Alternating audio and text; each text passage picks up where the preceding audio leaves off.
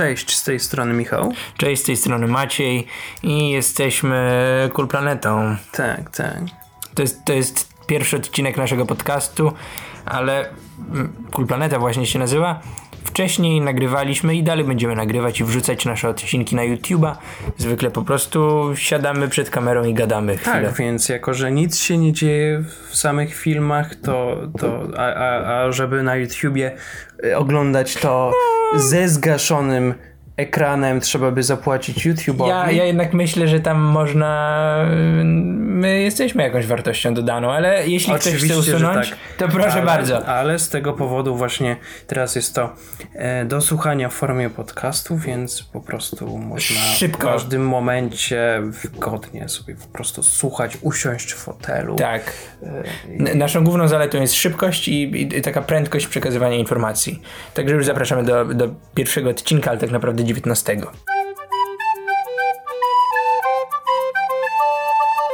Ostatnie tygodnie były ciekawe, ponieważ e, ja sobie czytałem różne książki, oglądałem różne filmy. Między innymi dotarł do nas w końcu Parasite na Blu-ray. Pierwszy Blu-ray, nie, drugi Blu-ray, Kutek Film. Michale, rzeczywiście wspólnie obejrzeliśmy drugi raz Parasite i hmm. kurczę, zmieniły chyba nam się jakieś takie nasze wrażenia na temat tego filmu. Bo Prawda. wyszliśmy z tego e, z kina, nie będąc tak zachwyceni jak cały świat. A teraz ja dalej może nie jestem zachwycony, ale dużo bardziej doceniam całość. Ja jestem zachwycony, ty też jesteś zachwycony. To prawda. Jesteśmy zachwyceni, nie, to jest, to jest bardzo dobry film. E, to, co zauważyliśmy rzeczywiście, to to, że tak jak gdy byliśmy w kinie, to początek filmu był taki komediowy, taki luźny, zabawny. I teraz przy drugim seansie tak poczuliśmy, że jednak jest to bardzo mroczne i, i w ogóle jakoś nie było nam to śmiechu, pomimo tego, że dużo było takich humorystycznych scen, bo no, początek jest w takiej konwencji utrzymany, to jednak jest to bardzo depresyjny, smutny film. My chyba często o tym mówimy, ale to jest niezwykle jednak ciekawe, dlaczego temat takiej nierówności klasowej się pojawia w naszym świecie. E, jest to szczególnie ciekawe, gdy mamy do czynienia z wirusem, dzięki któremu ludzie znów zwracają uwagę na to, że celebryci mają gigantyczne domy, e, podczas gdy narzekają często na to, w jakich warunkach żyją podczas mhm. tej kwarantanny. E, jesteśmy przed czymś, myślę. Może tak. jesteśmy przed czymś. Może tak, Maciek, ale to nie program przed czym jesteśmy. No tak, ty, ty, trochę jest też o tym program. Oczywiście, że tak, Maćku. Tak doceniam, jak każde zdanie wpływa na cały film, jak każde zdanie podaje informacje, które przy drugim oglądaniu albo uważnym oglądaniu sprawia, że ty myślisz, o kurczę, to jest, to jest dobrze wymyślone i to jest fajnie poprowadzone. Michale, mów. Cieszę się, że dałeś mi głos, bo zauważyłeś, że bardzo chciałem coś powiedzieć, że wyłączyłem słuchanie akurat. ciebie, bo mm -hmm. dla mnie istotniejsze było to, żebym Tak czasami jest, ale te, tak ludzie w ogóle rozmawiają, nikogo nie obchodzi, co masz do powiedzenia. Po pierwszym seansie filmu Parasite miałem problem z reżyserem, ponieważ wcześniej na przykład właśnie widziałem film Okia, który jest na Netflixie i nie podobało mi się trochę to, że wydawało mi się, że ta metafora pewna w tym filmie mam na myśli Parasite i też Wokai była trochę taka zbyt na siłę i taka trochę czasami oczywista. Miałem wrażenie, że podana na tacy. To chyba nawet mówiłem w tej mhm. naszej recenzji, która kiedyś była w odcinku z resztą Kul Planety flagowego naszego programu. I teraz niedawno przy tym drugim seansie zauważyłem, że autor sam z tego się śmieje. Po prostu wyśmiewa taką symbolikę, którą można, której można się doszukiwać właśnie oglądając pewne dzieła, bo tak jak e, wydawała mi się ta symbolika taka trochę właśnie na siłę i taka oczywista, to w sumie z tego też się śmieją w samym filmie, bo tam na przykład pojawia się ten obraz tego chłopca e, z tej bogatej rodziny, w którym oni właśnie widzą jakąś wysoką sztukę i tam próbują odkryć e, ten głęboki sens. To jest dość prosty tak naprawdę film. Ma oczywiście ciekawą też no, symbolikę, bo zawsze fajnie jest porozmawiać o takich rzeczach, ale mówi jednak o dość... Ale moim zdaniem tak się właśnie powinny robić filmy. Filmy robić po to, żeby oczywiście. ludzie odczytywali je, a nie po to, żeby ktoś zastanawiał się nad Oczywiście, że tak. Ja też wiem, że po prostu tak na siłę chyba się do pewnych Nie, no w ogóle nie mów tak. Znaczy, to jest kino rozrywkowe i bardzo dobrze może, zrobione.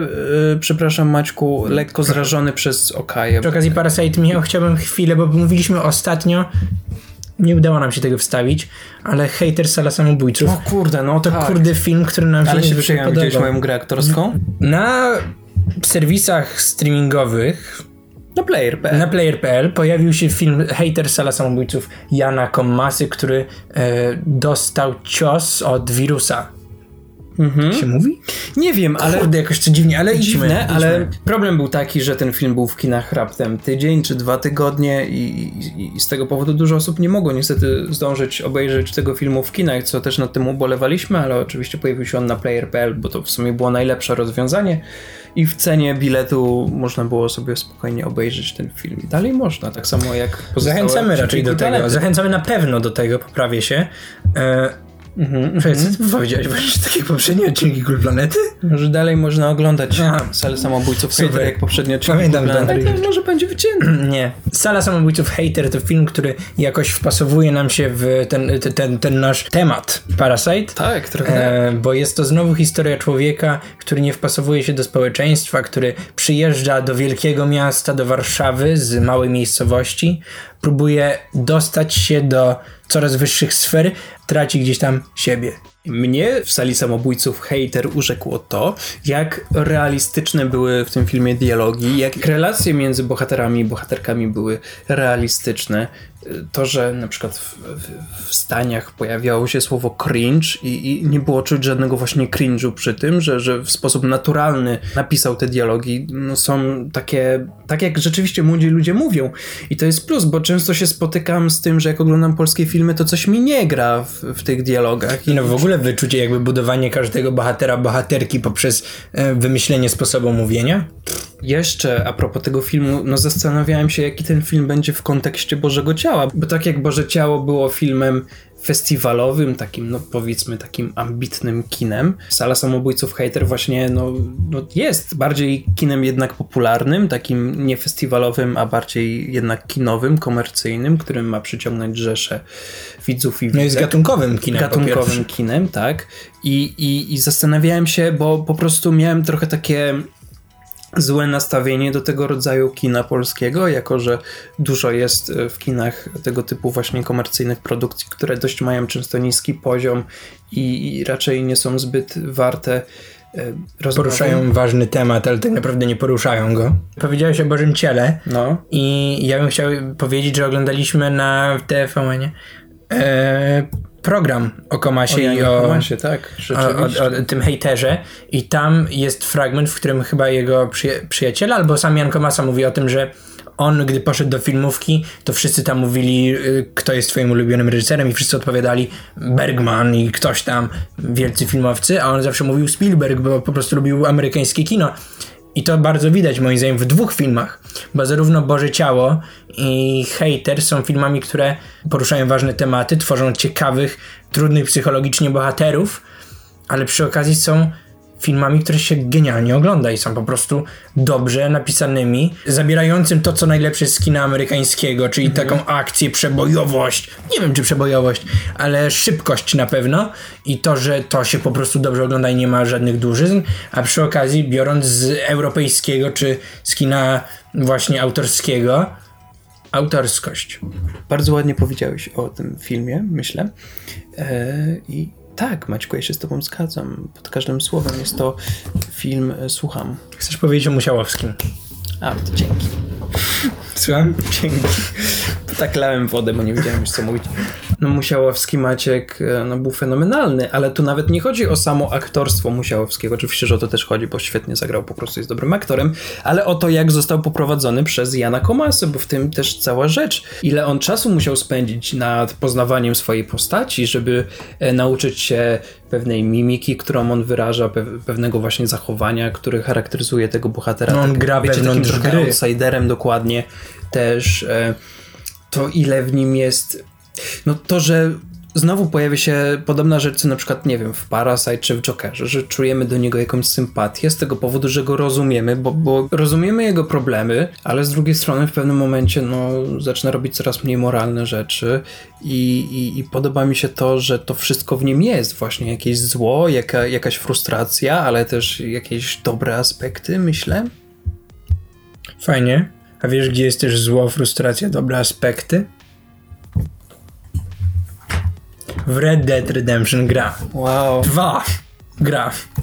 Gra, w którą obecnie gram, na którą nigdy nie miałem czasu, ale teraz pozwoliłem sobie ten czas znaleźć, albo miałem zawsze czas, powiedzmy sobie szczerze, ale, Ale czuję się winny, grając czujesz? w tak długie gry. Aha. Ktoś teraz sobie pomyśli, po co mam słuchać o grze, skoro nie jestem graczem, nie jestem graczką, ja powiem czemu. Red Dead Redemption 2 to niesamowita, wolno budowana historia, która sprawia, że przywiązujesz się do szajki przestępców, do, do, do kowbojów na dzikim zachodzie, który zaczyna ginąć, tak, że z każdą godziną się gra coraz lepiej. Ja poznając tę historię, śmieję się, wzruszam się, czuję, że jestem członkiem rodziny z moimi gangsterami. A przy okazji, Michał, to nie jest tylko świetna historia, to jest również fenomenalnie zbudowany świat. To jest świat, w którym Który żyje. który żyje, który po prostu wchodzę do obozu mojego i tam nagle mam setki możliwych interakcji z, z moimi przyjaciółmi, chociaż wiem, że tak naprawdę nie są przyjaciółmi, bo, no bo to jest gra, ale jest to jeszcze specjalnie chcę powiedzieć o tym, bo nie wiem, czy wiecie, istnieją gry z otwartym światem. Polega to na tym, że można pójść gdzie się chce. Weszły one od kilku lat w bardzo taki niedobry schemat. Horizon Zero Dawn to dobry przykład. Jeśli zagracie w tę grę, zagracie w każdą możliwą grę od Assassin's Creed po gry inne. Chodzi mi o to, że te światy wszystkie wyglądają tak samo. Jest dokładnie to samo do zrobienia. Odkrywasz mapę, robiąc te same rzeczy. Tego tutaj nie ma. To jest, to jest Michał zupełnie... W środku jest Spider-Man. Ja po prostu chcę powiedzieć o tym, że to jest niesamowite, bo Rockstar buduje światy jak w GTA.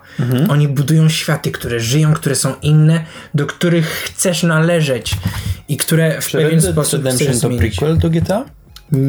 Pewnie są takie teorie na 100%. Na 100% muszą są takie teorie. Jestem tak pod wrażeniem tej gry, bo ja jadę konno i mi się to nie nudzi. Ja myślałem, że będzie się nudziło. Ja. No tak, no tak, nie proszę, co ty masz mi do powiedzenia. No, widzę, że przeszliśmy w segment kulturalnej planety, w którym już nie rozmawiamy wspólnie, lecz osobno o swoich rzeczach, które robimy już. Nie, opowiedzmy szczerze, że my zawsze tak rozmawiamy. Proszę, Michał, leć. Ja wyszedłem na gracza, Michał na intelektualistę. Wyjdzie. Normalni ludzie. Przeczytałem powieść Sally Rooney albo z Sally Rooney, którą zakupiłem, gdyż widziałem ją po prostu w pewnym sklepie popularnym e, i jakby wszędzie była ta książka, bo jest napisana jedna z najważniejszych powieści ostatnich lat, więc jakby trzeba ją przeczytać, prawda?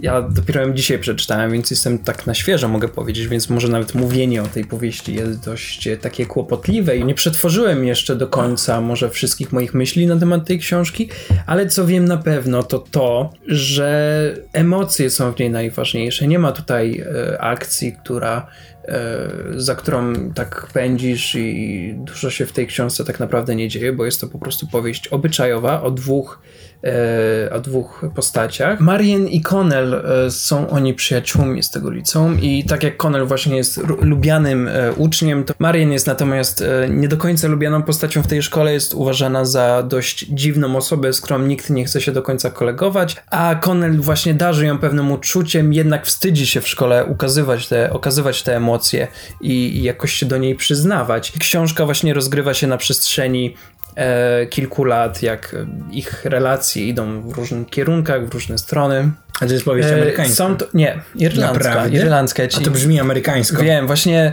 też mi się wydawało, że to jest jakoś amerykańska powieść, w ogóle po otwarciu już, bo ona jest napisana e, w taki bardzo oszczędny sposób. W ogóle jak ją otworzyłem, to nawet nie wiem, zobacz sobie pierwsze strony. To to wygląda szczerze jak e, scenariusz filmu. No takie odniosłem wrażenie, bo mamy po prostu dialogi, e, co mówią bohaterowie e, i, i nie ma tutaj jakichś takich rozbudowanych opisów, tylko e, po prostu takie konkretne sytuacje, co się wydarzyło. Trochę skojarzyłem to sobie z powieściami Cormaca McCarthy'ego, bo on też pisał i dlatego pomyślałem, że jest może taka amerykańska, bo on też pisał w taki oszczędny sposób, nie wiem, jak pamiętasz, przy drodze na przykład. Znaczy, Bardziej w drodze, może nie w To nie jest kraj dla starych ludzi, ale w drodze na pewno. Michał na pewno, ja pomyślałem, że to amerykańska przez temat, E, że to jest popularny chłopak, może, który może. nie lubi dziewczyny. Może, ale wyobraź sobie, Maćku, że w ogóle nie jest to takie sztampowe, tak jak może mogłoby Mhm. ci się wydawać, gdy przeczytałeś ten opis. Bo wracając do samego tego, jak ta książka jest napisana, to właśnie jest takie poczucie, że to jest scenariusz, przez co czyta się bardzo lekko, bo co? Co sprawia, że to jest Michał jak scenariusz?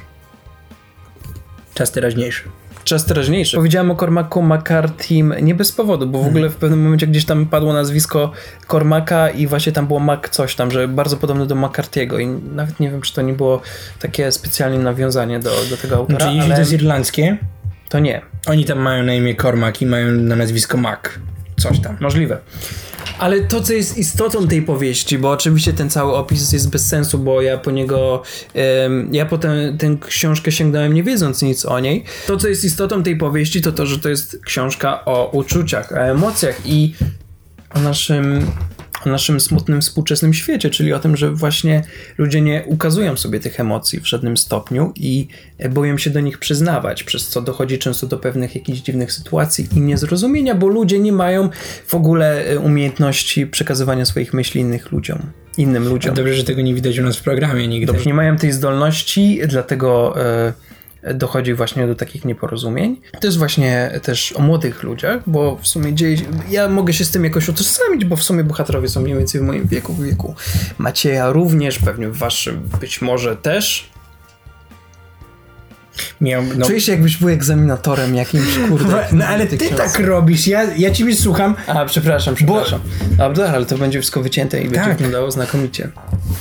Tak, tylko już kończ. Dobra, już kończę, bo, Maciek, bo chodzi mi o to, że chcę mądrze powiedzieć o tej książce, tak? Wiem, ja mam taki dowcip przygotowany. Porównałbym to trochę do filmu Moonlight, właśnie o takim poszukiwaniu uczucia, o pewnej samotności, o tym właściwie, że to uczucie i y, miłość jest tak naprawdę najważniejsza i do tego dążymy wszyscy, tak? Jak zawsze mówi nasza mama.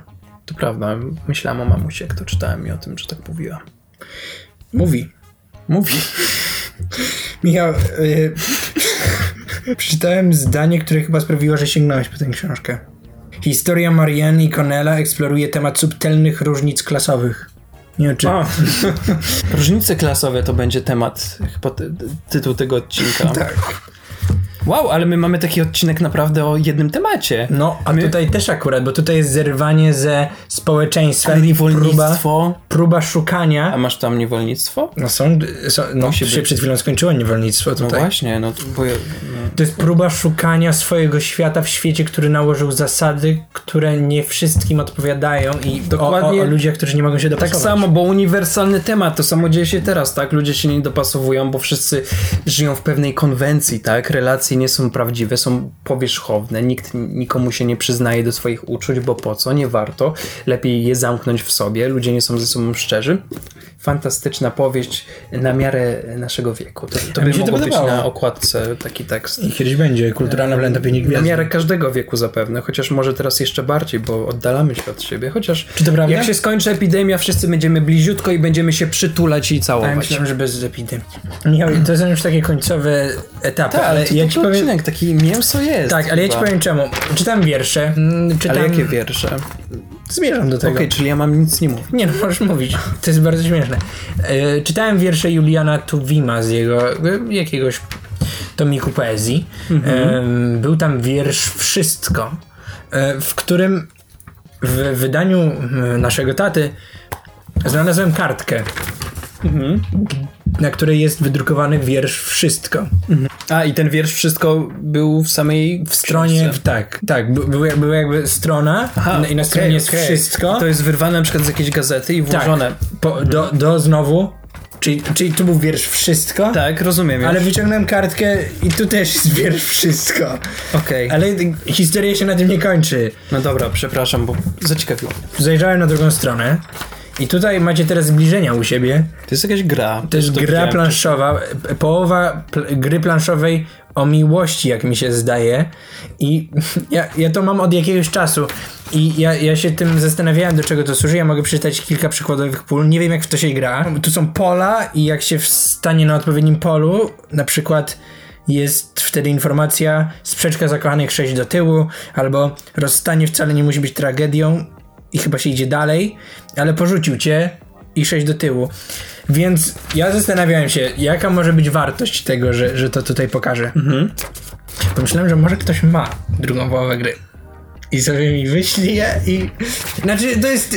Wow. Bo, bo to musi być z jakiegoś magazynu starego, z jakiejś gazety. Więc Czekaj, ja nie mam tu jakiejś ukrytej no informacji. właśnie nie, ale jeśli ktoś ma, jestem tak ciekawy, jaka jest, ja, czy jest jakiegoś- instrukcja, dokąd to prowadzi, no ja będę grał.